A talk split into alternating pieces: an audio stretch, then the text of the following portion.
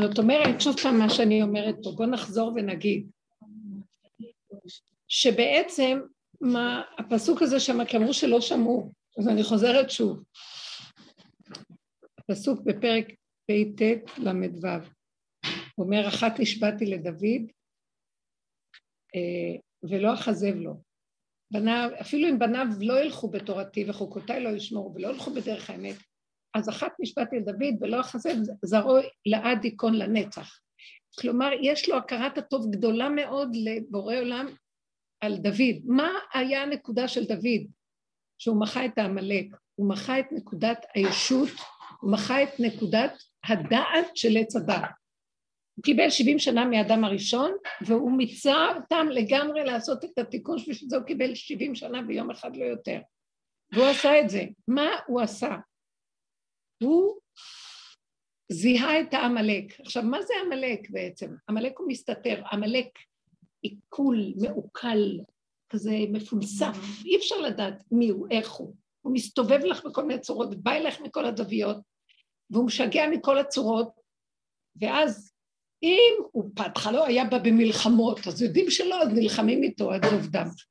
אפילו את שאול המלך, שהוא משיח השם, ששמואל הנביא משך אותו, מלך הראשון בישראל, הוא הצליח להערים עליו, שהוא הצליח להגניב בליבו רחמנות, תרחם עליי. הוא בא אליו ברמה כזאת, אגג, מלך עמלק, בא אליו במין תראה, אני זה, הוא תפס אותו, יכול היה להרוג אותו בשנייה. ואז הוא פיתה אותו שהוא יכול, שהוא בעצם בן אדם טוב. בקלי קלות הולכים לאיבוד. עכשיו, גם אם הוא מסתתר, מעוקל מכל מיני צורות, אי אפשר לזהות אותו, גם אם הוא הולך ישירות, אי אפשר, אי אפשר לו. אז מה הוא עשה דוד המלך? הוא הבין שהוא לא יכול בשום צורה מצד האני שלו, כי אין אני שיכול אה, להילחם עם האני. תבינו את זה. כי צריך אני יותר גדול מהאני, כדי שהאני הקטן ייפול.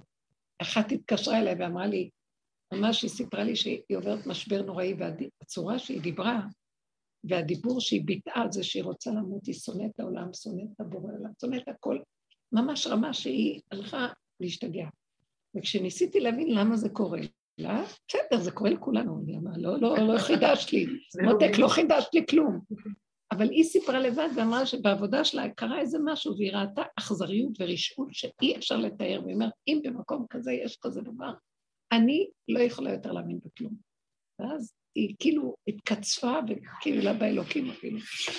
ואז אה, אמרתי לה, תקשיבי, אם הגעת למקום הזה וראית מה שראית, אז יש לך עמלק יותר גדול מהעמלק שראית, ואת יכולה.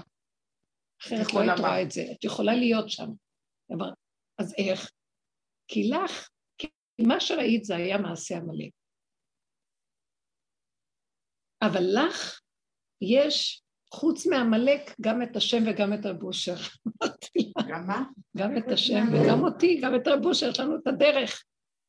אז יש לך יתרון על העמלק. את גם עמלק, וגם יש לך עוד משהו שאין לו.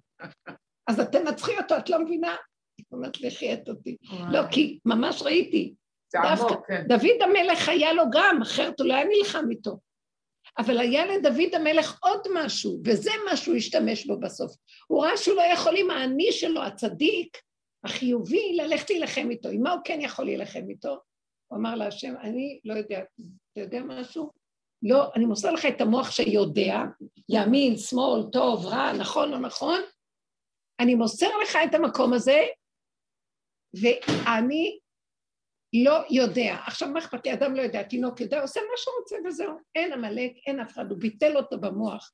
ביטל אותו ונתן להשם את המלכות. כלומר, הוא אמר, אני לא יודע כלום, רק אתה, שימו לב כמה זה קשה. כי כל רגע אנחנו יודעים משהו, וזה מה שעושה לנו את הכאבים. אם היודע הזה הולך איתי, כיף לי, ואם לא, אני מתה מצער, לא הולך מה שאני רציתי. אז זה הכאבים הכי גדולים שיש בעולם לאדם. ושם הוא מצליח להפיל אותנו. כשאני אומר, אני כבר התייאשתי מעצמי, אני לא יודע כלום, לא יכול לסבול, כי כולנו כאן, מה הוא עשה? אנחנו אחוזים, נוח לך? אחוזים בממון, אחוזים בילדים, אחוזים בבעל, אחוזים במשפחות, אחוזים... ומה לא? אז זה בדיוק שם הוא נתפס כדי לשכנע אותנו למה שלא נשבר, כי זה צריך להיות ככה ולא ככה. וכשאנחנו מגיעים למקום שמה שאנחנו לא עושים, אנחנו חוטפים אותה, ומפחדים כבר לא יודעים כלום, זה יהיה לקראת הסוף. אנשים ישתגעו עם הרעיונים, הם יבינו, אם הם יבינו. השם נותן בזכות הדרך הזאת הבנה גם בעולם, זה מתפשט. שחבר'ה תתייאשו מהכל וזהו, אבל לא תתייאשו, למרחב, להוריזונטל ככה, תתייחשו אליו, תתייאשו אליו. זה שלך הכל, קח את זה אליך, אין לי כאן כלום. לא רוצה, אני ילד קטן, לא יודע כלום. גם כשפנו אליי בדבר הזה, התחלתי להגיד, מה קשור לבית כנסת, לבית כנסת, מה, מה אני לא רוצה? נכון שיש לי שם שני בנים שנמצאים, שלושה בנים, אבל באיזשהו מקום אמרתי, אל תערבבו אותי עם הסיפור, אני מוכנה מעצמי לתת משהו, אבל לא, אז היה לי, אחרי כל הזמן ראיתי כל הסיבות פה בצורות שאני לא ידעתי איך להסביר את זה. בלילה זה היה קופץ לי, ביום זה קופץ לי, כל הזמן. ואז ראיתי שהשם כאילו רוצה ממני שאני אשים את הדעה שלי בצד, וילך עם הסיבה הפשוטה ש... שהבשר שלי מרגיש. באמת, הוא שלח לי הרבה מסרים, גם בלילה הייתי מתעוררת וחושבת, לא חושבת, כאילו מעורר אותי למשהו. הוא אומר לי, זה לא קשור אלייך. ביום אחד, ביום שישי, נפל לי אסימון מאוד מאוד חזק. אנחנו מדברים שעמלק, המחיה שלו היא בנקודת הרגע. שאין לו אפשרויות, דואליות, אין לו ימין, אין לו שמאל. הוא לא הנחש שרואה משני הצדדים, אין לו את קו האמצע. הנחש רואה, הקוברה רואה מפה, נכון? הוא רואה מהצדדים, הוא לא רואה, אין לו קו האמצע. קו האמצע זה קו הישר. זה הרגע, ההווה. לא עבר ולא עתיד. לא מחר ולא אתמול. נקודה, הרגע. ברגע הזה שאני עומד שם, ואני לא יודע, כי ברגע אתה לא יודע כלום, אתה יודע שזה רגע, אתה לא יודע מה יהיה עוד רגע. באמת, זה צמצום מוח מאוד חזק. יש לך ידיעה רגע, יותר רגע אתה לא יודע, גם, אני אגיד לכם את האמת, אין לי ברגע ידיעה. זה נורא מעניין. כשאני חיה את הרגע, אין לי ידיעה. ריק לי. אבל מה כן יש לי? אני יכולה לראות מה הסיבה שבאה לי. הוא גם נותן גם שכל פתאום יכול להיות סיבה. לרגע, הוא נותן לי רעיון, לרגע, אבל רק לרגע. מה זה רגע? זה פרק זמן שאני הולכת איתו עד שלא בא משהו שמפריע לו. זהו, זהו, הגדרתי את זה הכי נכון שלי. אז ראיתי שאני לא צריכה לחשוב, לא צריך שיהיה לי דעות, לא צריך כלום, אני צריכה לעשות. במקום הזה יש מחיית העמלק, כי זה לא או זה או זה. זה נכון, זה לא נכון, זה כן, זה לא.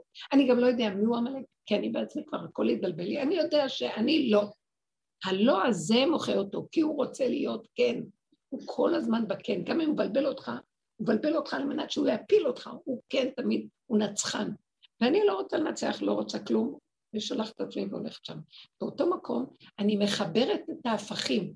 חיבור ההפכים זה אחדות, זה הורג את העמלק. עמלק זה פירוד, זה לפרד, לקלקל, לשבור, לנטוץ, שלא יהיה אחדות, שיהיה שנאה, שיהיה נקמנות, שמה לא. וזה המקום שראיתי, שמה אכפת לך? אני מחברת את ההפכים. אני באתי מעולם חרדי והלכתי לכל מיני בנות, שלחתי שליחות, להביא כל מיני כאלה שלא יקשיב פה, מקשיבים לאמת. בעולם שלנו לא מקשיבים לדרך הזאת, כי זו דרך שנראית אה, לא שכלית. קחי כיסא שיהיה לך נוח. אולי אני אתן לך את שלי, מה אומרת לך קחי כיסא? היא גם דרך שהיא סותרת את העבודת מידות הקלאסית. בדיוק, כי עבודת המידות הקלאסית... עבודת המידות אומרת יש שניים. יש מידה טובה. תתנגד למה שאתה מרגיש, תתנגד לרצון. בדיוק. הדרך הזאת אומרת, תהיה איפה שאתה, תגיד אני לא יכול אחרת אם אתה לא תקבל אותי. בדיוק. זה, זה, זה מקום של אה, התמעטות כל כך קטנה, ילד קטן, הוא צריך, הוא לא, אין לו דעת. מי שיש לו דעת, יש לו תחושה של בעלות, והוא כאילו הוא הסגן של בורא עולם. ואילו במקום הזה את לא יודעת, כי התבלבלת, כי לא סתם שאנחנו באו, כולנו מבולבלים מהחיים, מבולבלים מהחיים, ולא יודעים כבר, מה שנקרא, אה, אנחנו התבלבלנו ממראה עינינו, אנחנו לא מאמינים בעצמנו כבר, כלום, העולם לא... גם מה שראינו בשנים האחרונות של הקורונה, זה היה כל כך מוחשי, תגידו, זה שפוי מה שקורה פה? כן, יסבירו לך שכן, אבל בתוכך את יודעת שזה משהו לא נורמלי, עד שהיום, ב-48 שעות אמרו, פוטין גמר על כל הקורונה, עכשיו אנשים מסתובבים בלי מסכות, לא משנה כלום. עכשיו זה, פתאום זה, אין כלום. פתאום אין כלום. זה, זה לא, לא יאומן, זה ראינו את זה מההתחלה, אבל זה המהלך. המקום הזה, שלעמוד בקו האמצע, לא להביע דעה, לא להבין, לא לדעת, להישאר עם איך שזה ככה, זה גילוי השם. הוא מוחה את העמלק. הרגע בו מתגלה השם. הוא מוחה. לבד, לא צריך לעבוד. מי יכול... גם המחייה זה מלשון מחיקה. קחי, מקליט, תעבירי. אין מאמץ בכלל, מה? זה המקום שהוא לי, כאן מת... הוא מאחד את הקצוות. הוא מאחד... אה, אני יצאתי מפה, הלכתי לכאן. כל מיני אנשים הגיעו לדרך הזאת שבאמת תפסו את האמת, וגם תפסו בתוך זה, התחילו לקיים גם שמירת שבת וכל מיני דברים שנראים. אני אומר לי, לקחתם, הלכתם לשם, לכו עכשיו לעולם החרדי, תביאו אותו בחזרה, תחזירו אותו בתשובה. הוא זיכה לכם לאמת, תחזירו אותם לאמת. כי יש שם דעת גדולה מאוד, אבל אני מאוד גדול. אני גדול, והגדול הזה, והוא אני צדיק, תבינו, זה הכי קשה בעולם לפרק את האני הצדיק. אליהו נביא יבוא להחזיר את הצדיקים בתשובה, לא כי הם יודעים שהם צדיקים והם עושים את הדבר הכי נכון, אז מה עכשיו רוצים מהם? אין להם בקוד עוד משהו חוץ מזה, וזה הכי קשה בעולם. זאת תהיה המלחמה האחרונה הכי גדולה. דוד המלך גם את זה נתן לבורא עולם. הוא היה הכי צדיק בעולם, הכי אוהב השם, הכי דבק בו, הכי הכל, ועד שהוא העז לומר להשם, בחנני ונשני. כל כך היה בטוח באהבתו, זה באמת דבקות שאי אפשר לתאר. השם אמר לו, אתה, אבל יש לך עוד משהו סמוי שאתה חושב שאתה אוהב אותי, שאתה דבק בי, שאתה משתגע עליי, בוא נראה לך שהאתה שלך, זה האני הזה, גם גונב אותך. ואז הוא הביא לו את ניסיון בת שבע. והמקום הזה הראה לדוד, חטאתי נגדי תמיד. אין רגע פה, או שהוא יסתתר לי עמלק בחיובי או בשלילי, ואני, אם אני בשלילי, אני אלך להילחם נגדו, ואם בחיובי אני אצטרף אליו ואני אחשוב שזה בורא עולם. ואין ממנו מנוס, בתודעת עץ הדת אין מנוס מהסיפור הזה, אין. אז תחשבו רגע, אם אין מנוס מהסיפור הזה של עמלק פה, אין, עובדה שכל שנה, מאז שאנחנו מצווים, מוחים אותו, והוא חוזר כל יום, כל רגע מחדש. אחרי שאת מוחה אותו ואת הולכת לבית הכנסת בשיא ההתלהבות והכוונות, את הולכת שמה ורבה עם מישהו. ורבה עם מישהו, הלכת לאכול לסעודת שבת, ישר התרגזת על ההוא ועל זה. הוא קם לך כל רגע, אין מצב כאן. אז המקום הוא להיות שלא ליבי חלל בקרבי. זה המקום שאי אפשר להבין איך רק בורא עולם יקום וימחה אותו. איך הוא ימחה אותו? תני לו את הרגע, תרדי מהבמה. איך, איך יורדים מהבמה? אי אפשר לרדת מהבמה גם. רק דבר אחד, שאני על הבמה משחקת את כל התחפושות ולא אכפת לי כלום, הבנתם? שמתם לב? אני לא יכולה לרדת מהבמה. אומרים לשחקן שהוא משחק 80 שנה, תרד מהבמה. שחקן וואו. מקצועי. אז הוא אומר, טוב, אתם לא רוצים בתפקיד הזה, תנו לי תפקיד אחר. אומרים לו, לא, זה מסוכן, זה מסוכן. תרד מכל התפקידים. אז הוא אומר, אני לא יכול לרדת מהבמה, זה החיים שלי, תהרגו אותי וזהו. אז אומרים לו, אתה יודע משהו? לא, הוא אומר להם, אתם יודעים מה? אני אשחק את כל התפקידים כל הזמן, מתי שאתם רוצים, איך שאתם רוצים. ואני אצחק על הכל ואני... הכל בסדר. שמעתם מה הוא מציע? היה שחקן שהתאבד. לא, אני מדברת ברצינות. לכי הצידה. אבל מה העניין? כשהורידו אותו מהבמה, אז הוא אם יורידו אותו מהבמה, הוא יתאבד. למה שיתאבד? חבל שיתאבד.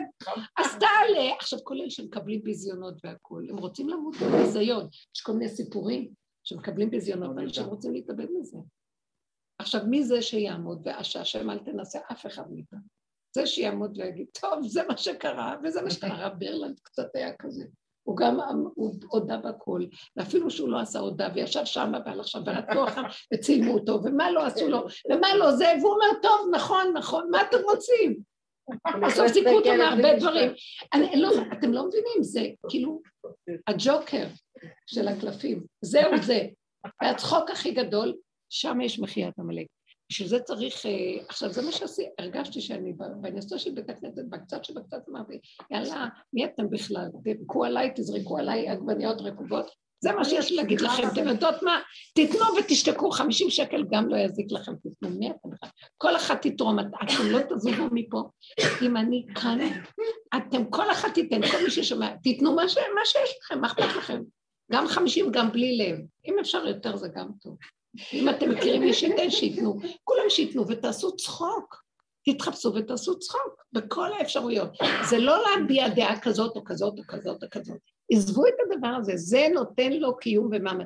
לא מה קשור רק לימד אותנו, מה קשור לנו בית כנסת, מה קשור... נכון, לא קשור. אבל השם רוצה לקרב את כולם אליו, לא יודעת מה הוא רוצה לעשות פה, הוא רוצה לעשות משהו. הוא אמר, אתם זכיתם באמת, עזבתי הכל והלכתי, הייתי בוכה בספסלים בלילות. מה אני, לאן אני הולכת בכלל? מי אני פוגשת? ראש לא שואלים נהייתי. הייתי זנב לאריות, מה נהיה פה? ואז הוא אומר לי, זה, אי אפשר לשאול שאלות. תביא את אלה, אלה יביאו את אלה. שמתם לב מה קורה לבורא עולם פה? הוא לוקח ממה שלא היית מאמינה, והוא מביא אותם לאליטה של האליטה, ואומר להם, בואו תחזרו בתשובה. תשובו להשם, לא תשובו סור מרע ועשה טוב. זו התשובה הרגילה של רבנו יונה, שהוא כותב מה שאנחנו הולכים כל השנים. לא, אתם השגתם את הטוב הכי גדול, עכשיו תעזבו את כל הטוב הזה ותחזרו להשם. כדי לחזור להשם, אף אחד לא יבוא אליו עם משהו. אף אחד לא יעמוד ויגיד, אני צדיק, באמת עשיתי כל כך הרבה, באמת עשה. משה רבנו היה הצדיק הכי גדול, הוא אמר, ואנחנו מה? איש רב פעלים, מה הוא לא עשה? הוא אמר, ואנחנו מה? אין לי כלום משלי ואין לי מציאות. צמצמתם לדבר כזה? איך? שיחזיק משהו מעצמו קצת, הוא עשה בכל אופן. טיפה שהוא החזיק מעצמו, השם העניש אותו עונש, לא נכנס לארץ. תבינו את הדבר הזה, המעיט אותו לקציצה. משה הגדול היה עשר אמה, חמש מטר גובה. איזה גודל הוא היה. עשה אותו קציצה כזאת.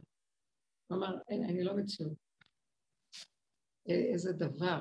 זה, זה, זה יכול לעמוד ברגע. הרגע זה שאין מציאות. מה אכפת לכם? עכשיו בואו נשים את ה... זה מה שאמרתי להיא, ותראו איך יצא לי להגיד לה, אם היית במקום הזה, מה שראית דבר שגרם לך שתקללי את השם, אז את, את יכולה לעמוד מול העמלק. הוא נותן לך, הוא שובר אותך עכשיו, הוא שובר אותך. כשלך יש כוח יותר גדול ממנו, אז בואי תראי איך. כי הוא רק עמלק, ואילו את, יש לך גם את השם, ודרך האמת יש לך. יש לך את רבושר, יש לך את הצדיקים של האמת. אז מה את עכשיו בוכה? מה את מייללת? תשתמשי בזה. אז יש לך יתרון עליו. זה המקום שלנו. כל פעם שאנחנו נבוא באיזה ייאוש או משהו, תגידו, מה אתן קשקשות? מה אתן מכניסות את הדעות? הכניסה דעות. איך יכול להיות? ככה צריך להיות ולא ככה. יכול להיות. הכל יכול להיות. אם אנחנו, בסוף יהיה צחוק אחד גדול, עד שלא יהיה ברור בין ארור המן לברוך מרדכי, שמעתם דבר כזה? איך יכול להיות? אחרי כל הזוועה שאנחנו עוברים פה, יצחקו על הכל? זה לא יפה מה שעשית לנו פה. נחלי דם נשפכו פה. בסוף הוא אומר הכל צחוק. אי אפשר יהיה להבין את זה. אתם יודעים למה? אה, שנסתכל אחורה ונצחק בסוף, נראה שלא היה כלום, זה היה רק דמיון. הסערה והסבל של האדם זה דמיון. וואו. אז אנחנו קולטים את זה עכשיו, שאסור לנו טיפה להיות צוערים ובוערים ובמצוקות. מי שיש לו מצוקה, טיפש. זאת אומרת, יכולה להיות לנו מצוקה, כי היא באה כבר מאליה, כי אנחנו מחולקים למחנות שסותרים זה את זה. אבל אותו רגע שזיהית את זה, תצחקי, תתרגלו את הדבר הזה. תתרגלו את הדבר הזה, אל תשתעבדו לשום דבר. שקר הכול, לא לילדים ולא לבן ולא כלום. בד בבד אל תברחו משום דבר. תצחקו בתוך הדבר, זה, זה מה שנשאר. אין לאן ללכת. אבל הרצינות שלנו והקדרות שלנו, וזה רק זה ורק זה, אין שום דבר. גם אין בית כנסת וגם אין צריף. בואו נעשה רק בצריף נתפלל לכבוד השם. לא צריף ולא בית כנסת, אל תאמיני לא בזה ולא בזה, והכל צחוקים אצל בורא עולם, יכול גם זה וגם זה ולא זה ולא זה. מה אכפת לך? זה אותו רגע של הכל. אז מתרגלים אותנו למקום של לא להביע דעה, לא להביע הבנה, לא כלום, קחי את הנקודה ותעשי. זה המקום שהוא ממש הכי גבוה מקום. פורים הוא המדרגה הכי גדולה, לכן אמרו כל המעדות עתידין להתבטל, חוץ מכיפורים ופורים. כי בכיפורים מופיעה נקודה של פורים. איך? בכיפורים, אנחנו לוקחים את הפגם, ואני רוצה לדבר קצת על הפגם. בכיפורים זה יום הפגם, שאנחנו מזהים שיש לנו פגם. הפגם הוא המפתח והשער לצאת מהתודעה הזאת של עץ רוב העולם בורחים מהפגם. וכשיש לנו איזו נפילה, בשבירה ממשהו, מיד תופסים את הקרעים של הבגד ומנסים לסדר אותו מחדש, להתכסות, והנה אנחנו מסודרים. ואילו לא מבינים שהשם שלח את השבירה, לא בשביל לסדר אותה ולחזור, אלא בשביל להסתכל בה ולהודות, ולהילחם עם הצער והעיצבון, ולהילחם עם הבלבולים, ולהגיד מה אכפת לי כלום? מה קשור לי? צריך לב חזק לדבר הזה, מה קשור לי? מה קשור לי? לא אכפת לי כלום. הנוחיות הכי גדולה, אני נושמת עכשיו, אנוכי השם. הוא נושם דרכי, הוא נשמת כל חי. הנשימה, תדעו לכם שהנשימה זה הזיהוי האחרון אה, שהבן אדם חי. יש מה שנקרא אדם שהוא, אה, יש לו חוסר הכרה, נכון? מה שנקרא אה, אירוע חלילה למוחי, משהו. חוסר הכרה. אז אה, הוא שוכב ויכול לשכב שם חודשים, לא מנתקים אותו והוא נקרא חי. איך יודעים מתי? על פי הלכה, איך יודעים מתי הוא חי? כל עוד הוא נושם, הוא חי. הנשימה באה מגזע המוח, שזה החלק הראשון שהתחיל באדם, גזע המוח. גזע המוח, כל עוד הבן אדם נושם, אז יש לנפש קשר עם גזע המוח. ברגע שמפסיק לנשום, זאת אומרת שהנפש יצאה. כתוב לא תאכלו על הדם, אי אפשר להוריד, אסור להרוג, אה, לחיות חיה אם יש לה עוד דם, אם היא אה, כאילו חיה או משהו, עבר מן החי או דברים כאלה, זה אסור על פי דין. זאת אומרת, אנחנו צריכים, אה, מתי מזהים שבנ... שזה דבר כבר גמור? שאין לו נשימה. אז הנשימה היא הסוף וגם היא ההתחלה של הכל. תיגעו בה, וזהו זה, אין כלום יותר. תתמקדו בה, והנשימה היא הרגע, כל רגע. זה מאוד מאוד עוזר לי לכווץ, לצמצם, להיות בנשימה, ולעזוב את המוח. כי המוח מעתיק אותי מהנשימה, אני נושם ואני לא נושם, אני הולך לעולמות אחרים. וזה דבר שהוא מאוד מאוד יפה, כן? זה המקום שכשרואים בן אדם שהדפיק את הנשימה, אז uh, פעם שאלתי את רבו של איזה שאלה, ביקשו ממני לשאול. נשים מלוס אנג'לס שהייתה להם בת, ילדה, שהיא בתאונה נפגעה קשות קשות והיא הייתה צמח שנתיים. היא מחוברת למכשירים, מכשירי הנשמה. וזה סבל מאוד גדול למשפחה, לא יכלו להכיל את המצב שלה. ואז הם ביקשו ממני לשאול את רבו שם, שאלו כל מיני רבנים. כנראה שאמרו להם, לא יודעת, לא, לא זוכרת מה, לא, הם לא אמרו לי, אבל דוקשו ממני שאני אשאל את הבושר. אז אמרתי להם, הבושר הוא בעל רוח הקודש בדרגות של נבואה, אבל הוא לא פוסק, הוא, לא, הוא לא אמר, אני לא פוסק לכם, אבל מי שהאמין לו בדרגות האלה, אז אמרו, תשאלי, אנחנו שאלנו, עכשיו אנחנו רוצים לשאול אותו. אז הוא אמר, תנתקו מהמכשיר. אם לנתק אותה מהמכשיר, והוא אמר, היא כבר לא פה מזמן. זה המכשיר מנשים אותה.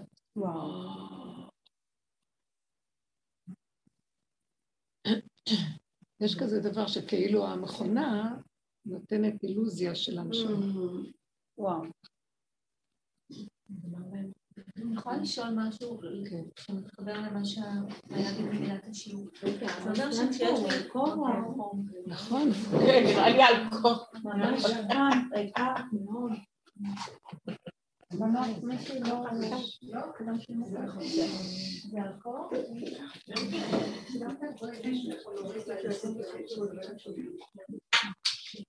עכשיו.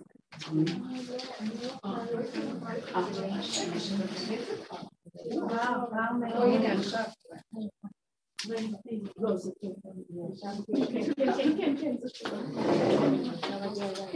כן.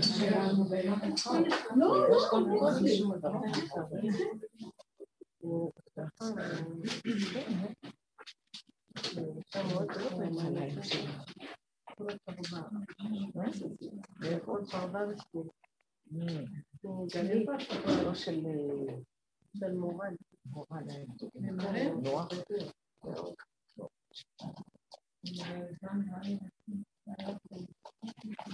פלאפל? היה לי נכד בבית בן שנתיים.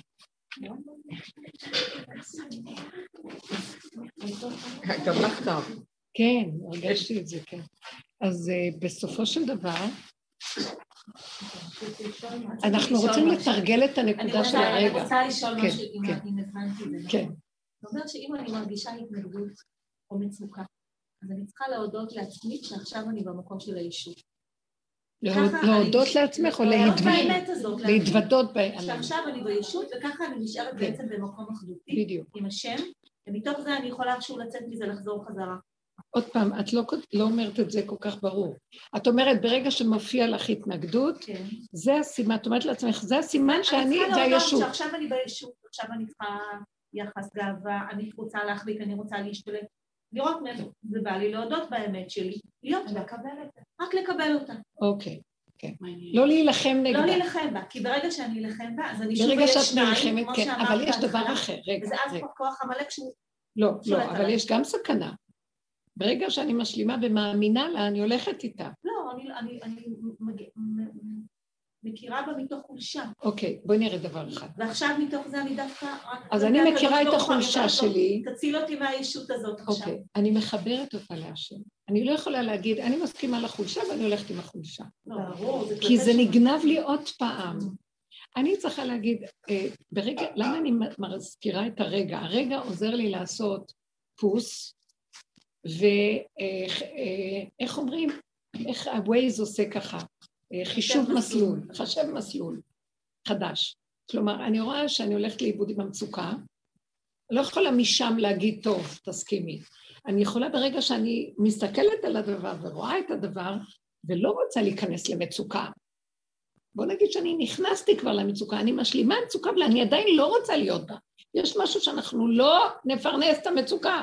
לא נפרנס את המצוקה, היא שקרנית, היא רמאית, והיא מושכת מאחד לאחד לאחד, אדם שרק מתחיל דמעה, ובייחוד אם יש על ידו מישהו, אז פתאום הוא מתחיל נחלי מים.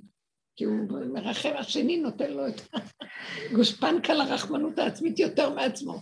אז בקיצור, אני יודעת שאני מסוכנת. אז מה אני עושה? אני נושמת, ואני אומרת, אני לא יכולה להילחם עם זה. אני מחזירה את הכול. בנשימה יש תפילה. בנשימה זה האף קרוב מאוד לפה. במוח הוא רחוק מהפה. אבל באף, כשאני נושם, אני קרוב לד... לדיבור, ואני אומר, אני לא יכול, לא יכול, קשה לי, אני לא יכול. אז אתה יודע משהו? אני לא רוצה לדעת, אני לא רוצה להבין, לא נכנס בזה, אין לי דעה, אין לי הבנה, אין לי עצון, אין לי כלום. ככה זה וזהו זה. באותו מקום זה נעלם. כי בגלל שלא נתתי לזה הסכמה וכוח של מוח, אז אין לו מאיפה להתפרנס. אז הוא מתחיל להתפוגג. כן, תרגלו את את זה. הבאת את המכה בפטיש, אז זה הדיבור. בדיוק, בדיוק. כאילו אה, הדיבור חותם את כל התהליך הזה. כן, אני הייתי במקום הזה שהתחילו לדבר על בית הכנסת, זה היה בכנס או איפה באחד השיעורים.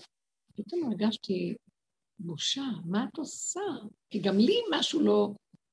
ואחרי רגע ראיתי שאני כבר התבזיתי, אז עמדתי מול כולם ואמרתי, טוב, אז אני בביזיון, מה לעשות? אני במילא כל הזמן מבוזה, אני כל החיים שלי ביזיון. הלוא כל האמת הזאת שהביאה, עזבנו את הספריית ערכים המסודרת, זה חשוב, זה כבוד, זה כיבודים, זה עניינים, ופליקים, פליקים, פליקים, וכל הזמן, בגלל ששמנו פנס לראות מי אנחנו באמת, אין לך ביזיון יותר גדול מזה. מתוך הגדלות הגדולה שאנחנו רגילים בתרבות שלנו, החיובית, לראות את עצמך איך את נראית, יש בזה גם יכולה להיות עצבות. ואני מסתכלת ולמדתי גם להגיד, טוב, אז זה מה שיש, אז מה אני יכולה לעשות? פתאום אני גם למדתי להגיד שאל תאמיני לזה גם, זה הכל שטויות. גם זה, אבל אם זה גניבה של ישות, והמסכנות שאין לי את, את הכבוד, גם זה גניבה, זה גניבה וזה גניבה, הכל גניבה, תצחקי. אז מה אכפת לך כלום? אז עכשיו לא אכפת לי לעמוד, ושיהיה איך שיהיה. וכשלא היה אכפת לי לעמוד ולהגיד זה, פתאום הוא הבזיק לי איזה נקודת אמת שממנה דיברתי והסברתי את הדבר, וזה היה מאוד יפה. כי זה כבר לא היה דעה, מה את עושה? אז מה אתם, אתם רואים איפה אנחנו נמצאים? אנחנו עדיין בדעות, אתם עדיין סותרות את הדבר, סימן שאנחנו לא בנקודת האמת. האמת, זה שום אכפת לי כלום, זה צחוקים, יאללה, תזרקו על העגבניות, הנה אני... כשעושים את זה, אז אה, פתאום יבוא אדון אליך לא. בדיוק. וגם השבוע לי זה ממש, אה, אין משיח בא אלא בעסק הדעת. מה זה? זה פשוט, את. עושה את הצעקות לנפש. מדהים, זה כל כך משמח אותי, זה בדיוק הנקודה שאמרת. אני מודה שזה המציאות שלי, מה אני יכולה לעשות? אבל אני לא מודה והולכת בהפקרות. יש גם אנשים שהם מיואש, זה נקרא ייאוש. אני רואה את הסיפור שלי והולכת עם זה, מה אני יכולה לעשות? זה ייאוש. אנחנו פה לא בייאוש, כי הייאוש נמצא הפך מהגאווה, הגאווה בצד ימין, הייאוש בצד שמאל. כל הזמן יש דבר והיפוכו, מידות אחד כנגד השנייה. אני כאן בקו האמצע, אין לי לא ייאוש, לא זה ולא זה, אני ברגע יכולה להיות בגאווה, ברגע בייאוש. לא, אני אומרת, לא, זה מה שאני, ואני לא יכולה כלום, אני מסכימה לשניהם. אבל אני גם באותו רגע שהסכמתי ואני איתו, בקו האמצע בדיבור, אפילו ביני לביני, אני כבר לא בימין ולא בשמאל. ימין ושמאל תפרוצי, ואת השם תריצי בנקודה הזאת. תדעו לכם, זה חידוש גדול שעכשיו יורד והוא מתחזק. הפעולות שאנחנו עושים, לא לתת משמעות כזאת או כזאת, לא לתת לספרייה של משמעות. אל תיתנו משמעות לא לחילוני, לא לדעתי, לא לכזה, לא לכזה. יש רגע שאת יכולה לראות בן אדם. רגע את רואה בן אדם ואת יכולה ממש לראות נקודת אמת, משהו יפה אצל אותו אדם, יש רק רגע, יש רק רגע, יש רק רגע, אי אפשר להגיד, אה, הוא, כולם אלה נהדרים ואלה לא, כי הוא, הוא הלא, אה, הוא דוגמה של קהל שלם, אז אני אריץ את כל הקהל דרך הדוגמה. את לא יכולה לדעת כלום, אין יותר להגיד, תראו אלה ככה, מה קורה אצל החרדים, מה קורה אצל אלה, מה קורה... את לא יכולה להגיד כלום, יש אדם, יש נקודה. באשר הוא שם, השם דן את האדם ומסתכל עליו באשר הוא שם, כי באותו רגע יכול להיות לו רגע של אמת, ברגע של אמת שקורית אצל אדם, הוא קונה את עולמו ברגע אחד. כמו בן דורדי הזה, שקונה, קנה את עולמו. רגע אחד הציל לו את כל החיים שלו. רגע אחד של אמת, תראו איזו עוצמה יש לרגע של אמת. נקודת הוויה שאין לה זמן, אין לה מקום, אין לה ערך כמו שלנו, היא לא נמדדת ולא נשקלת. אין לה מסה. שם הכל, נמצא. איזה גדלות יש לזה. תקשיב, איזה גדלות של אמת, איזה אמת. לכן, נחזור למה שהפסוק הזה אומר, אחת נשבעתי לדוד במחזה, זרעו לעד ייכון וכיסו כשמש נגדי, כירח ייכון לעד בשחק, נאמן סלע. תקשיבו איזה מין דבר זה. למה? כי הוא נגע בנקודה הזאת של האמת. ואי אפשר כל רגע לגוע בה, אבל הוא נגע בה. ויכול להיות שהוא נגע בה עוד פעם ועוד פעם. הנצח יש בה, אפילו, רב אושר אומר, אפילו שמתם רגל בנצח לרגע, אפילו שמתם בנקודת האמת רגל, יש לכם נצח. הנצח לא נמדד כמה. צריכים להבין את זה, אצל השם קטן הוא גדול, לא נמדד. דין פרוטה כדין מאה, זה לא קשור. זה דבר מדהים, אנחנו עולים על, על זה גאולת העולם. זאת הנקודה של פורים. זאת הנקודה של פורים, טוב שהחזרת את זה. כיפורים, אז אמרנו, הכיפורים, זה שהתחלתי, הוא הפגם. הוא הכרת היציאה מתודעת עץ הדת. כיפורים הוא האפשרות לצאת, הוא נתן לנו יום שפתח לצאת מעץ הדת. ואז מה הוא נותן לנו? קחו את כל הפגמים, תתוודו עליהם, תקבלו אותם. תגידו שאתם ככה, ותגידו ככה, ותגידו ככה, ותגידו ככה. ומה לא תגידו? ועוד עושים לנו חסד ביום כיפורים, בגלל שזה כל אחד עם עצמו, ולא צריך להתוודות לפני כולם. אבל בפורים יוצא כל המרצע מן השק. אז כיפורים הוא הפגם, כי בלי הפגם, בלי ששוברים לך את הדמיון, שזה הכי, הפגם זה החיסרון. ש... מה זה חיסרון? פתאום שברו לך משהו, לא הלך כמו שאת רוצה. איך אנחנו נשברים ומנסים לחזור לסדר את זה? לא, רב אוסרציה, אל תחזרו לסדר את זה. תשאירו את זה ככה, שמה אתם יוצאים, ביד רמה אם תרצו. אתם יודעים, והבני אדם בתודעה של עץ הדת מבוהלים. מה קרה לי, מה קרה לי, מה קרה לי, מה קרה לי? יאללה, מי כולם כפרה, אני מוותרת על החיים, על הכל, בשביל הנקודה הזאת באתי לעולם. אם אני באותו רגע מחזיק את זה ואומר, טוב, ככה, מתבצר הפורים, בפורים. פורים זה, זה האלף, הש... יום הכיפורים זה האלף הש... השביעי, זה עולם הבינה זה נקרא, זה שבת, שבת שבתון.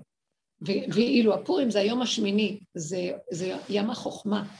החוכמה צוחקת על הכל, החכמים שמחים, לא לוקחים, הם יכולים להוציא מלא מלא מלא דינים ולהגיד זה לא, זה לא, אבל הם שמחים וצוחקים, הם נזהרים לעצמם, ומצד שני הם גם יכולים אה, להסתכל על השני ולא לקחת אותו קשה. מי? יש להם, החכמים, יש משהו בחכמים שיודעים לצחוק. זה יפה לצחוק. זה, כי הם רואים רחב. אז זה הנקודה. תראו את ה... עכשיו, אפשר גם זה וגם זה, ולא לשים לב לכלום. זה כמו שאמרתי לכם, מה זה הפורים? אם ביום הכיפורים הוא, הוא עולה על הבמה ומשחק את המסכן, והוא, מה זה מושלם? הוא השחקן הכי גדול שמתאים לו התפקיד הזה ביותר. כי הוא יודע לשחק את הקבצן המסכן, השבור, מה לא עבר עליו, מצוין. עכשיו בא פורים. עכשיו אומרים לו, תרד מהבמה, נגמר הכל אחרי ה... שגמרת את המשחק שלך. הוא לא רוצה לרדת מהבמה, קשה לו, למה לרדת מהבמה? המקום הזה שנותנים לו את האפשרות לשחק את כל התפקיד. זה דבר מאוד גדול, כי זה ההצטיינות שלך, שיחקת את זה טוב, בוא תשחק עכשיו גם את זה וגם את זה וגם את זה וגם את זה. זה המהלך הכי גדול של שחקן תיאטרון, שיכול לעשות הכול. זה דבר גדול. אז זה פורים. פורים, יש לך את כל האפשרויות. וזה לא, כי למה? איך יכול להיות שיש לך את כל האפשרויות ובבת אחת שללת את האפשרות שאו זה או זה? מתחיל להיות גם זה וגם זה. איך יכול להיות? כאן אנחנו לא מבינים את זה, אבל שם זה המקום. ברגע שאנחנו נמצאים ביסוד הרגע, אנחנו יכולים להכיל את הדבר הזה. אנחנו תחת חוק וזמן פה, אבל זה הולך להתמוסס. אתם שמות לב שהעולם קצת הולך למקום שכבר לא ברור. אני אמרתי שלא ברור, המלחמה הזאת של רוסיה עכשיו לא ברורה בכלל, היא משונה. כל האומות חשבו, וכמה רעש היה לפני, ואנחנו נראה לו, ואנחנו ניתן לו, כולם, הוא נכנס, עושה מה שהוא רוצה. אף אחד לא אומר לו מילה בכלל. הכל רק דיבורים. מתגלה כל השקר של החיובי ואומות העולם, שהם יצילו אותנו, הם אנשים נאורים ויצילו את האנושות מהקלקולים והריצות של העולם. הכל מתגלה, לאף אחד לא אכפת כלום בכלל. קוסמטים, רק עושים כאילו. הכל כאילו, הכל כאילו. דברים שלא יפגעו בהם. כן, הכל מחושבן עם המוח המלוקק, עמלק. אז הוא אומר להם, לפחות אני בגלוי. זה גוג, זה מגוג, זה עוד לא משנה. אני בגלוי עושה מה שבא לי, וזהו, מה אתה אומר? מישהו יגיד לי מה לעשות פה? אם, אם הוא צוחק על עצמו, גם השם יותר איתו. הרבנית נתנה לי את העצה הזאת לעשות את הצעקות בתוך הלב, ולא היו פה, את זוכרת? היא אמרה לי, כאילו הרגש בא בלי איזה הכנה ומה זה עזר לי לעשות את הצעקות האלה ללב, לא, זה איזה גאולה. היום בבוקר ממש קמתי, וגם דיברת על המוות. פשוט חשב, באמת היה לי, הייתי הולכת עם המוות, כאילו בתת מודע שלי, כבן לוויה. הרבנית הוציאה לי את הפחד. והבוקר קיבלנו, קיבלתי הודעה שדפנה לבנון, מכירה אותה כן. מבתיים, נפטרה, עכשיו הלוויה באחת. מי זאת דפנה לבנון? אשתו של ארז. אשתו של ארז. את ארז לבנון שנרצח בהתבודדות שם. ארז דורון? ארז לא, לבנון. שהוא עשה התבודדות ואמרו שהוא ממש הביאו מקורות שהוא היה...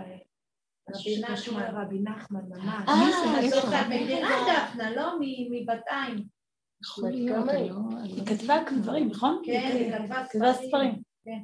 בקיצור, לא, אז אחותי, כל התקופה הזאת, היא ליוותה אותה, וממש הייתה איתה באוסט, ממש, והיום בבוקר ביססו לי שהיא נפטרה, ואני לא יכולה להסביר את זה, התקופה שלי הייתה, פתאום הבנתי שלידה ומוות זה אותו דבר, לא בהבנה, כן, שכאילו... זה רגע אחד ואין בה ממשות. רגע, אנחנו לא, חיים כאילו בחוק אחר. היא התכוננה בצירים תשע חודשים, ואז היא נולדה למוות. כן. זה היה רגע של הבנה כזאת מתיקות, ככה לקום עם זה, זה היה, אני לא יכולה להסביר את זה. בלי כאבים. לא, זה היה דווקא עם איסורים. אצלה, אצלה. אצלי, מאותו רגע ששחררתי את המקום של הפחד, הבנתי שזה אותו דבר. זה אותו דבר. זה מה שרב אושר היה אומר, תעלו את הפחד לבורא, שם הכל משתחרר. תעלו, תגידו לו. אני לא יכולה להכיל. אל תרצו להכיל כלום. הייתי הולכת, שמה? עד לא יודעת. עד לא יודעת. אבל זה בדיוק מה שאני מבינה ש... את יודעת שזה אותו זה לא יהיה, זה ידיע. ארור המן ברוך מרדכי, ואני אמר זה אותו גימטריה, זה אותו דבר. זה נקודת האמצע. בוא נחזור כל הזמן לתרגול של להיות ברגע. כל פעם שיש לי איזה משהו, ואני מתחילה ל... אני רואה שהמוח לא יודע להסתדר עם אה, מסרים כאלה הפוכים, אני אומרת, רגע, רגע, תרגישו את עצמכם, מה קורה, מתפשטת תחושה קשה. אה, מצוקה, לחץ, מתח, אה, לא נוח לי. זה ישר אומר תעצור. דבר ראשון תעצור, לא שלך כלום. אל תעשה אחד בעוד אחד. אתה לא חייב לרוץ במרוץ הזה לספק סחורה, לדעת. ככה אני צריכה לעשות, לא ככה אני צריכה לעשות, לא רוצה לספק לאף אחד סחורה. אני אומרת ככה וזה. זה מאוד מאוד, זה כל העניין עכשיו של מחיית העמלק, הוא רק בא במקום שאני נותנת לבורא עולם אני מסכימה לרדת מהדעתנות, וגם הרגש נחשב דעתנות, כי הרגש מתלבש, הדעת, אחר כך יש רגש, אחר כך כלי המעשה מבוהלים, אז כל הסיפור הזה, אני נעצרת, עוצרת, עוצרת את המוח, ועכשיו אני אומרת לו, אני לא יכולה, זה קשה, זה גדול עליי. לא יכולה, אני לא עומדת. נניח שהוא מביא לי איזה דבר שאני לא מרגישה בו, ואז אני מסכימה לו, זה מה שהיא אמרה קודם. אני נכנסת בו ואני מסכימה. אתמול הרגשתי לא טוב. ביום שישי הרגשתי לא כל כך טוב. היה לי איזה רגע שאני יודעת מתי זה קורה לי, שאני עוברת את הגבול של הגוף. אני, או גוף נפש, כלומר, שאני עושה משהו ואני, שאני מתאמצת, אני עברתי את הגבול של המאמץ, והגוף אותת לי, התחילה לי כמו איזה מין סחרחורת כזאת, או כזה כובד, לחץ. ואז ידעתי שאני עוברת, ואמרתי, אבל אין לי ברירה, אני חייבת להמשיך חצי שעה נוסף. ואז אחר כך, ככה נכנסתי, אה, באתי לשבת, אז בשבת כבר הרגשתי שהגוף שלי כבר מאותת לי שהוא עברתי את הגבול. ובבוקר גם הרגשתי את כל הכאבי, כמו שפעת כזה. זה ישר קורה כשאנחנו עוברים את הגבול של הגוף, מתלבש משהו, זה לא חשוב מה. זה יכול להיות, היה קר מאוד ולא הבאתי מעיל חם, הלכתי, לא, לא היינו בבית, תדעו, היינו צריכים לעבור ממקום למקום בהליכה, היה קר מאוד. עד בלילה, ואז בבוקר כבר הרגשתי. ואז ידעתי שזה לא נבע מהקור דווקא, זה נבע מזה שהגוף כבר היה פרוץ, כבר היה סדק גדול. וזה כל כך חשוב לתפוס את הדברים בזמן, זה כל העניין של החוכמה, להיות קשורים לעצמנו. תקשיבו, אנחנו יותר שווים מכל המציאות פה, גם הילדים, גם הבעל. עכשיו, זה לא אמרתי שנזניח אותם, אבל אם מטפלים בהם זה רק מהמקום של האיזון פה. או אז העבודה שאת עושה היא קלה ו- ו- ויש לך תוצאות מיידיות, את לא צריכה להתאמץ כל כך קשה על כל דבר. כי את באה מנקודת האמת הנכונה המאוזנת. לכן אין, זה לא אנוכיות, או אני לא אתמסר לילדים שלי. תתמסרי אליהם, תתמסרי לעצמך, ומשם ההתמסרות אליהם ממילא קורית, נכון? זה משהו כל כך, החוק של האמת הוא מדהים. למה אנחנו כמו משוגעים עובדים? כי אה, גלינו מארצנו ונתרחקנו מעל אדמתנו, גלינו מנקודת האמת הארצית, שהיא כל כך, אה, יש בה אלוקות, האמת הפשוטה, הטבעית, טבע נקי, פשוט, שמה יש שכינה, זה החוק שלה. אז אה, מה עשיתי? ראיתי שאני לקראת סעודה שלישית כבר הרגשתי מאוד לא טוב, ואז אמרתי, נכנסתי לתוך עצמי והתיישבתי בלי להיאבק עם זה, בלי כלום. ונכנסתי לתוך המציאות של להסכים שזה מה שעשיתי, זה הנקודה, זה ככה אני לא יכולה כלום, כרגע זה המציאות, ונשמתי לתוך הכאבים, נכנסתי בכאבים. הגוף, בשפעת הגוף כואב. זה כמו דקירות כאלה בגוף. נכנסתי לזה וטיילתי עם זה. זה דווקא רגוע, זה נחמד, יש בזה משהו יפה, את מסכימה. את לא נלחמת, את מסכימה. וכשנכנסתי ככה איזה חמש, עשר דקות, אז uh, היה לי מחשבה uh, לקחת, היה לי קצת ויטמינים בתיק. בדרך כלל לא לוקחת בשבת, אמרתי, תקחי. Uh, אחר כך היה עוד איזה משהו, איזה שלושה דברים שעשיתי, ואחרי עשר דקות הרגשתי, אה, ובקבוק חם שה... שנתנו לי, ואז הרגשתי טוב. זהו, ולאט לאט הסכמתי ואמרתי תודה רבה, אני לא רוצה להיות חולה. אני מבקש ממך, אמרתי בפשטות, אני רוצה להיות חיונית, אני רוצה לפעול, אני רוצה להיות כלי, תחזיר אותי לאיזון, תפסתי איפה הנקודות, ואני מתוודה שלא יכולתי גם אחרת, כי זה היה כורח הנסיבות. לא היה לי מריבה עם עצמי. המריבה עם עצמנו היא, היא, היא מעצימה את החולי, היא מעצימה, תסכימו, תשלימו. מנותקת מהנקודה. מהחיבור להשם. בדיוק. היא מחוברת מיסוד של כאן ועכשיו, והסכמה, ששם הבריאות, ששם החיים עד העולם. זה נשימת החיים, שם מתחדשת הנשימה, והמוות והחיים זה אותו דבר רגע אחד. זה קו האמצע, תתעקשו על קו האמצע. עכשיו תשאלו על קו האמצע, דוגמאות. אה, אני רוצה לתת לך דוגמה מאוד כן, פשוטה כן. שקרה לי היום. אה, עליתי ברכבת ועלתה אישה מבוגרת, נגיד, פשוט את רואה, היא התחילה עם הכרטיס, וכנראה שלא הייתה לה כסף בכרטיס. הגיע הרג אותה. פשוט הוא התחיל להגיד לה, תשמעי, מה, תודה, בלי, ברור שהוא נתן לה קנס. ואני, היה לי כאב, אבל פשוט אני הרגשתי את הגוף שלי, שיש לי ממש נכנסתי כל המצוקה שלה עליי. אבל באיזה נקודה, אני ממש תפסתי את הנקודה שאין לי כבר כוח להתחיל עם המוח, הוא רשע, היא טובה, ניצול, נכון. לא ניצול, אין לי כבר כוח לכל זה. זה העולם שלך, זה הדברים שלך, תמצא את זה, כן. אבל את המצוקה אני לא יכולה להכיל את זה. זה, זה נכון, לא נכון, אני לא יודעת. בדיוק הנקודה, בדיוק הנקודה. נקודת האמצע זה רק רחמים.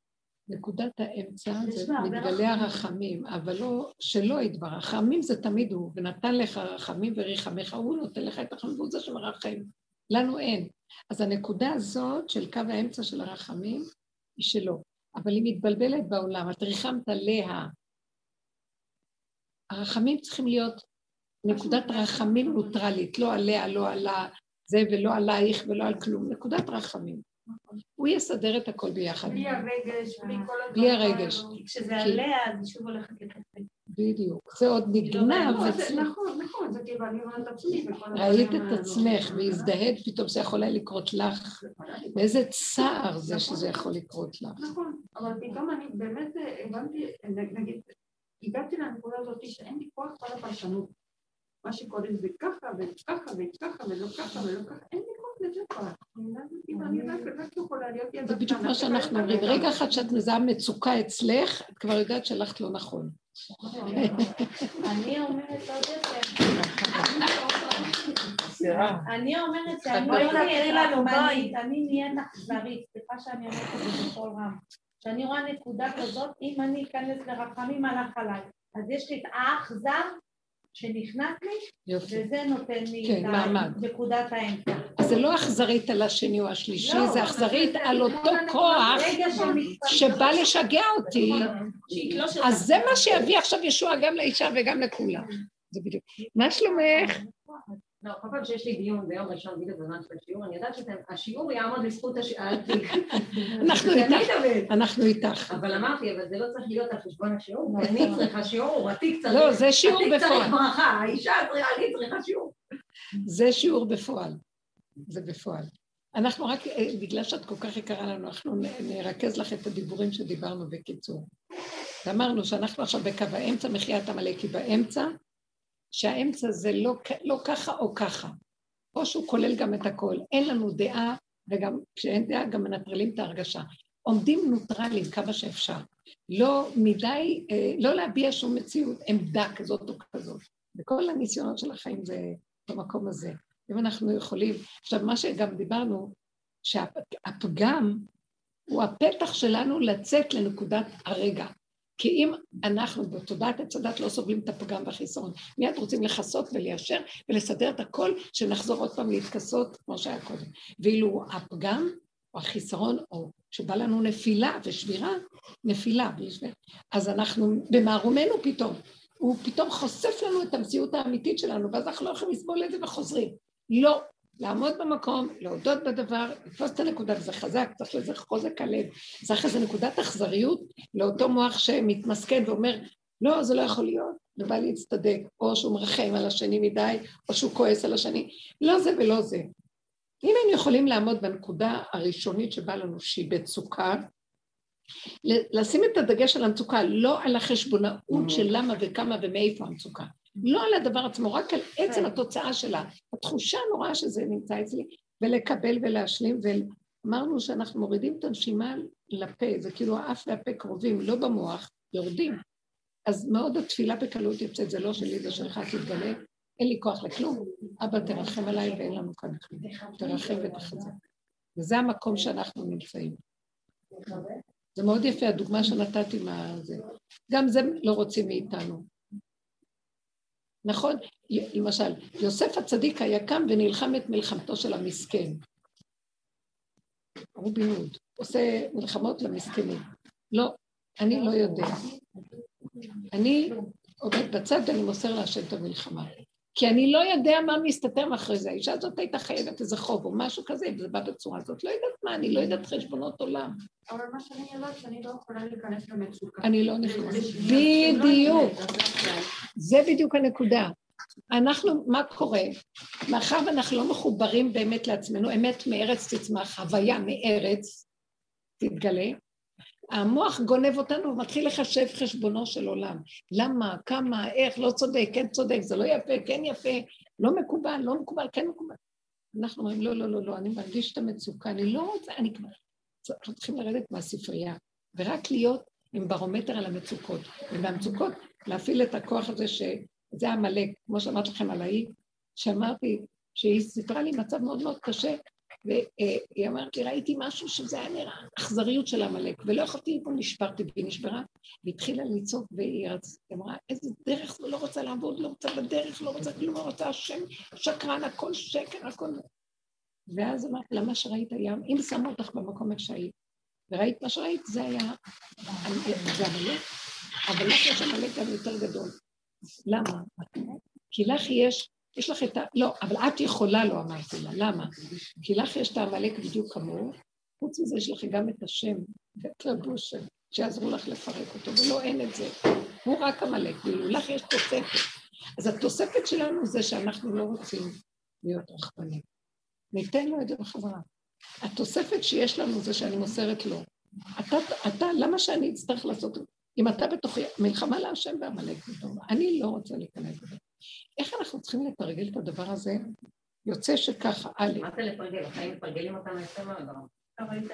אבל הנה העיקרון של התרגול, שקודם כל אני, שימו ברומטר למצוקה ואל תיתנו למצוקה להתגבר. זאת אומרת, תעמדו, קחו את כל הכלים הכי אכזריים, ניתוק, ניתוק, לא יודע, לא מבין, לא כלום. וישר אני מעבירה את זה אליו, זה לא אכזריות בעולם, זה אכזריות אליו. אני לא, אני לא יכול, אני מפחד שאני, האני שלי יתפתה להיכנס בהד הקו של הדרחמנה, ואני אין לא מבין כלום, למה אני צריך בכלל? אני מתחזק בנקודה שאני לא יכול לסבול מצוקה, וכשאני לא יכול לסבול מצוקה, אז תילחם אותה בשבילי וזהו. אני לא מוכן להיות יותר הפראייר. אחר כך אני מתחיל לצחוק. כי אחר כך אני מוכן לקבל כל תפקיד, כי אני כבר צוחק, כי לא אכפת לי בכלל. זה מקום אחר מאשר כשעוד אני מאמין בתפקיד כזה או אחר. לכן השחקן בסוף צריך, כמו הג'וקר, יכול לשחק את כל פורים, את כל התפקידים על הבמה. גם המן, גם מרדכי, מה שאתה רוצה. צוחק על הכל ולא אכפת לו כלום. למה שאכפת לנו? האכפתיות שלנו גרמה לנו את כל המצוקות והצרות והכאבים. אבל הוא כפה עלינו הר כדידים. הוא כפה עלינו את המציאות כאן, שהיא יוצרת את ה... מה שקרה בשואה. הוא יגיד, לא אכפת לי, מה שקרה פה? בשואה. אה. היו כאלה שהגיעו למדרגה הזאת. וואו. אה, תחיין העצמות האלה, יש ספר כזה. הוא מספר שם דוגמאות ממש כמו האדם שהגיע, הוא בדרך, הוא מדבר בדרך. והוא הגיע למקום שלא אכפת לו כלום, הוא לא דן שום דבר, לא שפט שום דבר, הלך והיה קרוב מאוד לעצמו איך להציל את הרגע, וזהו. ואיבד את, הוא לא, הוא לא גם לא עזב את יהדותו, בגלל זה היו כאלה שעזבו, היו כאלה שאמרו לא רוצה, כמו שאמרנו, לא רוצה בית כנסת, מה, צריף קטן יכול להתפלל. הגיע למקום, לא אכפת לי, לא בית כנסת, לא צריף, לא זה, לא, כלום לא אכפת, לא אכפת לי, לא אכפת לי, לא אכפת לי. לא אכפת לי למה הוא, היטלר עשה, לא עשה, למה ככה לא, ככה אני הרגע ככה. זה מהלך גדול מאוד, זה מהלך גדול מאוד, זה השתוות הצורה לגמרי. טוב, זה ממש מחיית עמלק נעשית שם, כי אין דעת. כי הוא תופס אותנו בדעת, והוא בא מהדעת לפתות אותנו להיכנס בדעת שזה לא ככה וזה כן ככה, והוא מתלבש, הרשע הזה, בכל הצורות, פעם בדת חיובית, פעם בשלילית, גם הוא יתלבש ויפתה אותנו בכל הצורות, וזה רק יהיה בדת. אנחנו רוצים לרדת מהמקום, לא רוצה דת, לא, לא מבין. זה לא אומר שאין שכל, תדעו לכם, השכל לא קשור לדעת עץ הדת. יכולה לרדת חוכמה הכי גדולה ברגע, ובהירה וברורה קשה. אז בספר הזה שדיברת, שהוא הגיע לא אכפת לי, בקשר לשואה, איך הוא עשה את זה בלי ייאוש? הוא עבד גם על זה, הוא ראה, הוא ראה, תפס את נקודת האמת, כי הייאוש זה הפך הגאווה, כן. וזה עץ הדת, זה תמיד הסקאלה, הוא תפס את קו האמת. לא נראה לי היה. לו יסוד להוויה האלוקית, היו הרבה צדיקים כאלה, היה רבי חנן וסרמן, שהוא היה צריך ללכת לתוך אה, ידעו שלמחרת הולכים למשרפות, לגזים, תאי הגזים. אז הוא אמר לכל החבורה שלו, שאנחנו, אתם יודעים, שאנחנו צריכים מפה ללכת מחר לתאי הגזים. ודעו לכם, אם יהיה לכם איזה טרוניה, למה? אם אתם תישארו עם איזה סימן שאלה על ההנהגה של הבורא, אנחנו פוסלים את הקורבן. כמו שכשמקריבים קורבן, אסור שתהיה מחשבה אה, של הבעלים על הקורבן, למה ככה, למה לא ככה, מה זה, כן, כאילו מחשבה שלך צריכה להיות מנוטרלת, שהוא ממש ב... לא שייך, כן, מה שנקרא. אז הוא אמר, אנחנו פוסלים, אז תדעו לכם, לכו, כי ככה וזהו. זו הזוועה. צאן לטבע. אני, אני רוצה להתאמן שם, תדעו לכם, אני אומרת, זה, הגענו, הדרך הזאת, היא מביאה אותנו לזה, זה התכלית שהכי, אין יותר גבוה ממנה, והיא התכלית של הכל, ככה. תשתדלו, ניקח את המילה ככה, כתר כל הכתרים, יסוד העין, זה מחיק, מחיית עמלק של תודעת עץ הדעת טוב ורע, ומה שנשאר פה זה רק המלאכת השם, כי ככה וזהו, זה הוויה שמתהווה כל רגע ומסדרת מה שהיא רוצה בעולמה, בתוך הכלים של השכינה, שזה כלי הבריאה, תוואים והיסודות של האדם. כי ככה הוא ברא אותי, נקי, בריא, בלי כל המוח שמשגע לי את הטבע. למה עשית ככה לעשות? כי כשאנחנו הולכים בקו האמצע גם הכל נהיה קטן, ואין לנו כוח לגדול, אז גם אנחנו לא נחטא בגדול, לא נחטא. ילדים לא יכולים לחטוא כי הם קטנים. הם, הם לא, אין להם מוח שמחטיא אותם, המוח מחטיא את האדם. זהו, זה הנקודה. זה כל כך נחמד ויפה, ורגוע ושלב, יש שם אמת, ולא אכפת לך. איזה כאבים יש לי אם אני מרימה רגע את המוח. איך התבזיתי ליד כולם על הבית כנסת הזה, מה עשיתי? פתאום אני אומרת, זהרי לא להיכנס שם, כלום, אכפת לך? גם הביזיון זה צחוק, אין כלום. אין כלום. שישמע חרפתו וישתוק זה מדרגה, ושיצחק על חרפתו זה המדרגה. אנחנו כבר במקום אחר. מה אנחנו לעשות? וזה כל האדם. אני מבינה כאילו למה הפעם הייתי חושבת ש... אז איך נותנים לאדם להיות בפורים שיכור, שיכור בעץ הדת, זה דבר רע, ועכשיו אני מבינה שאפילו התורה עוזרת לנו בזה. היא רוצה לתת לבן אדם להגיע לבחינה הזאת, אפשרות. ממש. חשבתי איך נותר בתורה להיות שיכור, שיכור זה אתם מהות, מגעיל. כאילו במוח שלי של היום יום, פתאום בפורים זה מותר? לא, זה שמה... תקשיבו. לא באמת צריכות לשתות יין בשביל להשתכר. הדרך הזאת... הנה אנחנו, הדרך. אנחנו שיכורים, בדיוק מה שרציתי להגיד. אנחנו שיכורים בדרך הזאת. תקשיבו, עזבנו שכל של אמת, אנחנו הולכים ככה. פעם ראיתי איזה שיכור בפורים עם סלים של משלוחי מנות, מנסה להגיע הביתה, והוא מתקפל לפה, וזה ברחוב. אז אין טוב ורע, כי בפורים זה הדבר הכי יפה לראות שיכור, וביום רגיל כאילו אנחנו נזדעזע אם נראה אותו נתרחק. את לא ידע, פרשנות זה בדעת, היא עושה לנו את הכאבים. זה לא. עכשיו, כיפורים הוא המקום שאנחנו נוגעים בשער הזה שמפרק לנו את עץ הדת, שזה השבירה. איך יכול להיות? שיכור, זה הדבר הכי מאוס בתורה, שיכור. כן, שיכור זה המעלה, וכמה שיותר ישתה. איך הם משתדלים לשתות, מסכנים, הם לא יודעים איך לשתות. חמודים. אנחנו, איזה יופי, אנשים, אה, הדרך הזאת היא מדהימה. איזה דרך יפה. אנחנו שיכורים ולא מיין. זה כל כך יפה. גם לא נורא עם יין. תשעת הימים, אני זוכרת שאני... תשעה באב. אני שותה אה, יין, ואני אומרת, תשעת הימים, אמרתי, לא משנה, אצלי זה פורים. שתיתי ושמחתי, לא אכפת לי מתשעת הימים. לא. לא, כבר הגעת למה, כן. לא אכפת לי. לא כל החיים זה תשעת הימים. תקשיבו, כי לא צריך להיות אכפת לנו. גם הוא באמת יפה. גם הוא יפה מאוד. הוא מדהים, אני לא רוצה שיקחו לי אותו, את יודעת? אבל זה המקום, אם אנחנו, אמר, כתבתי בזה, אם נסחה בו, כמו שאנחנו בתוך הבית בפגם, זה התכלית, שלא יהיה אכפת לנו. אנחנו נבהלים משבירות, ממצוקות, ממצבים של חיסרון. לא אכפת, זה קל לדבר, אבל זה כל כך טבוע בנו, המקום הזה. אז אה, שנגיע, אנחנו לא צריכים להפגין את זה החוצה, כי בתוך עמי אנוכי יושבת, אבל באמת, תמר עשתה את זה באמת יפה. תמר היא הוציאה את הדבר החוצה, היא אמרה, אני, נכון שאנחנו עובדות בנפש לא להוציא את זה החוצה, אבל גם היא עשתה מעשה בחוץ. זאת אומרת, היא שברה את הגדר הנכון, לא רק בתוך הנפש שלה שהיא שיכורה בדרך, גם הוציאה מעשה. שתת ביין. חמוד. כן, לפחות שימחת את נפשך. אם האדם אומר, שימחתי את נפשי, לא יכולה לסבול את הכדרות יותר, הכדרות מסוכנת, אז השם נרצה לו, נרצה. זה המקום. מספרת לך אה, חלום? כן. חלמתי שבא מישהו ונותן לי פרס. בחלום, את רואה? אז פתאום אני שאלתי, אבל למה? אז הוא אמר לי, כי את ליצנית רפואית מדהימה. ככה אמר לי, אז פשוט כאילו הם צילמו אותי, אבל אני מטושטשת לחלוטין, כאילו אני ליצנית ויש מישהו שהוא הולך למות, אבל הוא צוחק, צוחק, צוחק.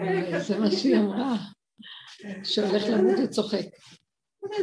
זה משהו כזה. כמו אותה אחת שהיא מתה וחיה. אה? זה כאילו אנחנו כל הזמן בליצנות פה. כן, אנחנו בליצנות. זה עולם הצחוק. בסוף זה פורים. פורים זה עולם החוכמה. בוא נחיה כאן חכמים, באמת, בוא נחיה. תהני, תצחקי, מה? רוצים לתת זאת, אני שברה לי את הלב, שברה לי... למה? שום אין לנו לב, לא רוצים לב. ליבי חלל בקרבי זה טוב. איזה ליבי חלל בקרבי? כמו, לא מרגיש כלום. כמו מת. לב אבן. לב אבן. ממש ככה. הוא ייתן, דווקא שם, כשאדם מודה בזה, הוא נותן את הנקודה של הרחמים, הוא נותן את הנקודה של דופק, משהו...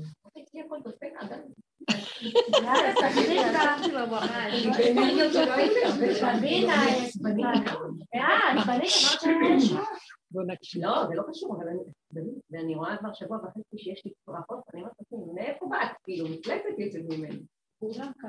לא, יש הרבה כוח בפנים עוד עצור. יש חוזק וכוח שיוצא. אני שומעת את עצמי צורך, מה? איפה, מאיפה באו לי? כאילו שאני לא צורחת במהות. לא, לא, לא, לא, יש לך את קו האמצע, אבל גם שוכב הרבה כוח באופי, חוזק וכוח שקיים אצלך, שהוא עכשיו יוצא, הוא יוצא.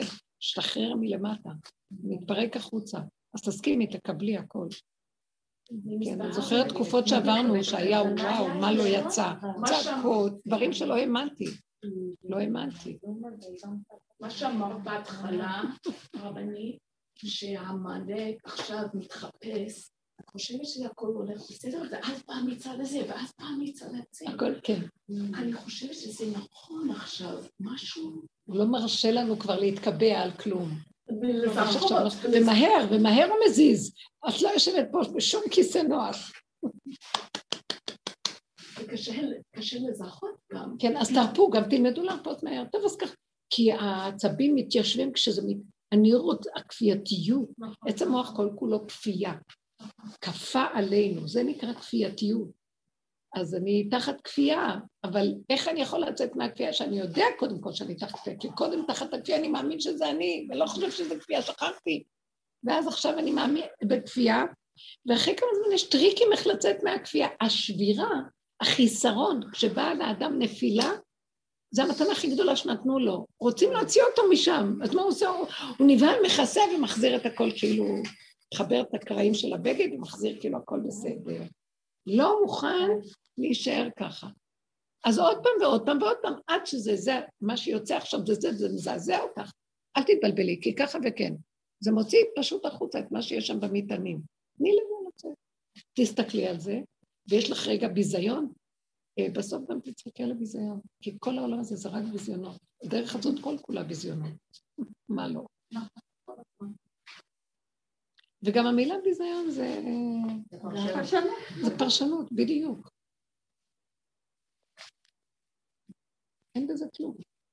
יש רק מילה אחת, ככה. ככה. אין משהו אחר. ככה. אין מילה יותר יפה מזה. תלחיות אותה. אה? אשרי האדם שככה לא. ממש. זה עושה לאיש אשר אמר. כי מה, מה, מה יכול להיות אחרת? ורגע, אני, אני אגיד לכם, צריך קצת את האכזריות הזאת, למשוך ולסגור. למשוך ול... כי המוח רוצה לעשות... פרשנות משמעות, ואנחנו רוצים, לא, בסדר, איך שזה ככה נושם, ומיד לעשות תרגילים של הסחת הדעת, הנה עץ, הנה זה, הסחת הדעת. כי אם אני עוד יושב ויחזור, מסיחה את דעתי, ובאמת זה עובד, הרבה פעמים את שוכחת מה היה לפני רגע, וזהו. עוד פעם ועוד פעם ועוד פעם. זה לא נודניק המוח.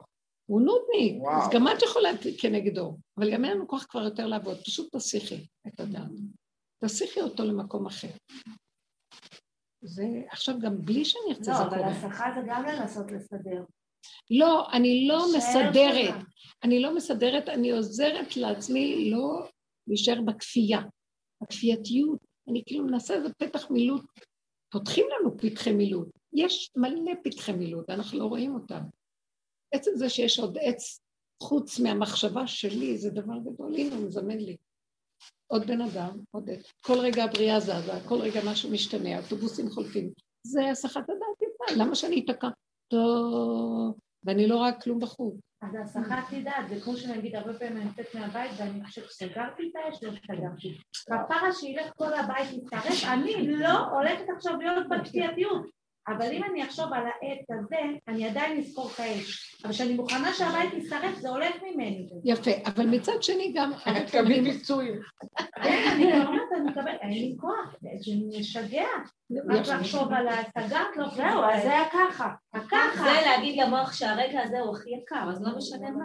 ככה. אני לא מוכרחה שאתה אני רוצה אחד בשביל... יש לך סיבה נורא טובה. שהילדים גם דואגת, אין, אני לא מוכנה רגע להיות במצוקה של... זה כל הזמן החותמת, כל הזמן להתמסר, זה, אני אגיד לכם, זה נראה כאילו הנוחיות, אני לא מוכנה להיות במצוקה. היהודים הכי התמסרו למצוקה נכון. וליגון ולהנחה, וקשה לנו לצאת מזה. דעו לכם, שזה מה שגורם לשכינה צער. שבצער שלנו היא בצער איתנו, כתוב, בכל צרתם לא צער. אני, ברגע שאני אומרת, לא, זה, אני הקמתי אותה, הקמתי את השכינה, את החיות שבתוכי, האנרגיית החיים שלי, הקמתי אותה ושחררתי אותה, תסמכי. היא אומרת לי, תודה, הקמת אותי, תודה, תודה, יש לה כל הדין, תודה. תודה. אני אעזור לך, עזרת לי, אני אעזור לך. משמחת אותך ונותנת לך כוח. צפצפו על החיים, צפצפו על ה... לא חיים פה, במרכאות חיים.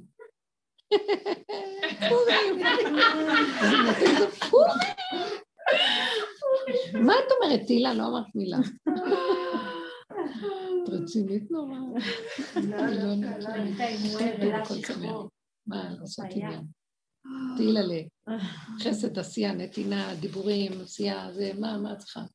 יכולת להתרים מלא כסף. תעשי ליצן, תהיי ליצן. כן, חסד, העשייה והנתינה היא משחררת ונותנת הרבה חן. חלק גדול מאוד מהאמת זה חסד. זה המידה השישית בשלוש עשרה המידות של הרחמים. בשם השם, כל רחום חנון ערך אפיים ורב חסד ואמת. כן? נותן חסד לאתם, עושה עוון נפש בחטא ונקי. אבל הנותן חסד ואמת. אז האמת, שאנחנו כל כך חזקים לחפש את האמת, חייבת להיות סמוכה גם על החסד. כי אליהו נביא הלך מידת הדין באמת. יש אמת יכולה גם לנטות לכיוון הדין.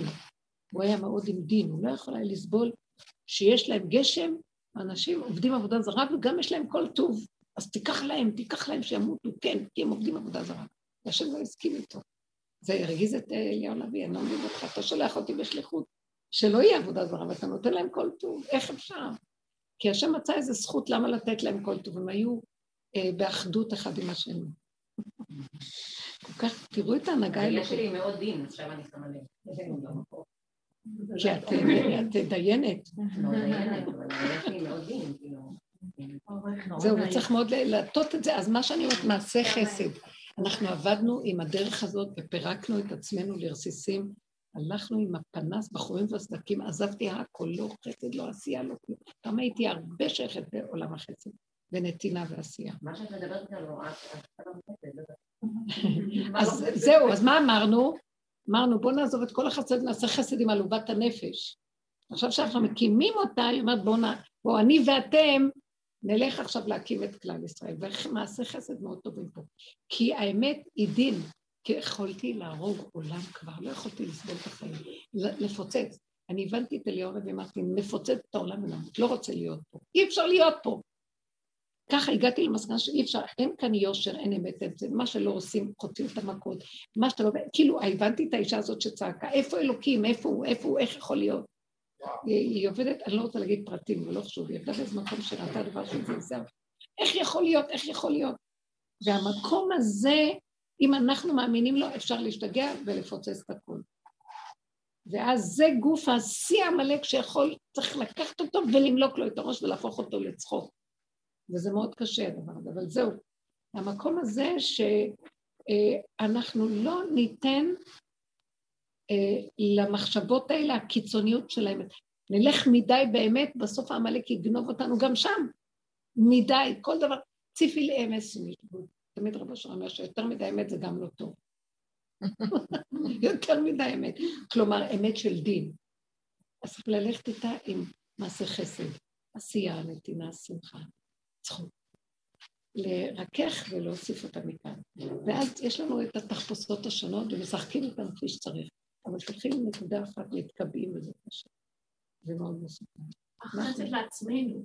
חסד, קודם כל עשינו עם הדרך הזה חסד, הקמנו את השכינה, נקודה פנימית. עכשיו הוא אומר, הקמתם אותי, בואו אני ואתם נלך ונעשה בעולם. כן, צריכים, אה, אנחנו... כי הוא החזיר אותנו לעולם, אמרתי לו, רגע, אני רוצה לצאת מהעולם ואתה מחזיר אותי, הוא אומר, בואי תחזרי לעולם. מה אני צריכה לחזור לעולם כזה? לא רוצה עולם. באמת, היה לי משהו בתוכי, לא רוצה עולם. עשיתי את שלי, לא רוצה עולם, ייאוש. התלבש על הייאוש, שאין כאן יושר, אין אמת, כל מה שקרה בקורונה, כל... תגידו, תגידו מה אנחנו מטומטמים, הפכתם את האזרחים לעבדים, מה הולך פה? הכסף שלנו אצלכם, ואתם חונקים אותנו ולוקחים את הכסף, שווים עליו טוב, ואנחנו לא יכולים לקנות כלים חד פעמים, ובקור הזה לשטוף כלים, משפחות של עשרה ילדים, איך יכול להיות דבר כזה? וככה זה הנהגה פה. חשמל גואה, הכל עולה, עולה, עולה, עולה, מאיפה אנשים יוכלו להחזיר? לא מעניין אותם, איך יכול... זה אכזרי, אחרי כל מה שעשינו פה, ואיפה אתה תתגלה, אז אם לא, איפה אתה לא קיים? היו לי הרבה כאבים. ואז במקום להגיד לי, אה, אתה לא קיים, כאילו, טוב, אז אמרתי לו, אז אני הולכת אם אתה לא מתגלה. ואז הדמיון שלי אומר, הוא יתגלה ויעשה עכשיו שמש באמצע הלילה ויעשה לנו ניסים. אומר, לא, לא, לא. אני נתתי לכם שתקימו אותי מתוככם, עכשיו בואו אני ואתם, ואני אתחיל לשנות את העולם דרככם. פה נעשה, נביא את אלה שיש להם בית כנסת ואין שם השם, נביא אותם אלינו, שיהיה להם גם השם בתוך בית הכנסת. ניקח את אלה שיש להם השם, אבל אין להם אה, בית אין להם גוף, אין להם כלום, כמו שהצגת. בואו ניתן גם להם ויהיה להם. בואו נסדר את העולם ולאזן אותו, כי השם כן אוהב בית כנסת, אבל הוא לא אוהב שגנבו אותו בבית הכנסת. הוא כן אוהב שבן אדם יהיה לו שפע, ולא רוצה שיגור באיזה צריף קטן ואין לו כלום. למה? אם נוח לו שיהיה לו יותר, למה לא? זה לא קשור.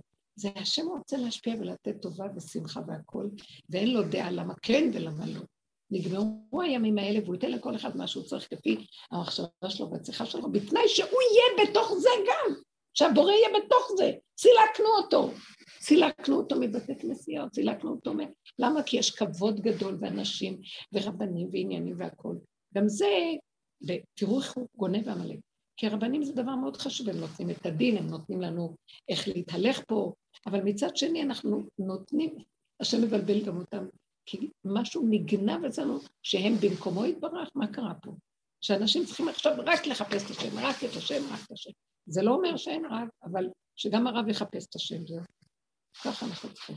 הוא לא במקום השם אצלנו. בתורה אנחנו, בגלות אנחנו אומרים, הלוואי אותי עזבו ותורתי שמרו, אז תלכו עם הרבנים.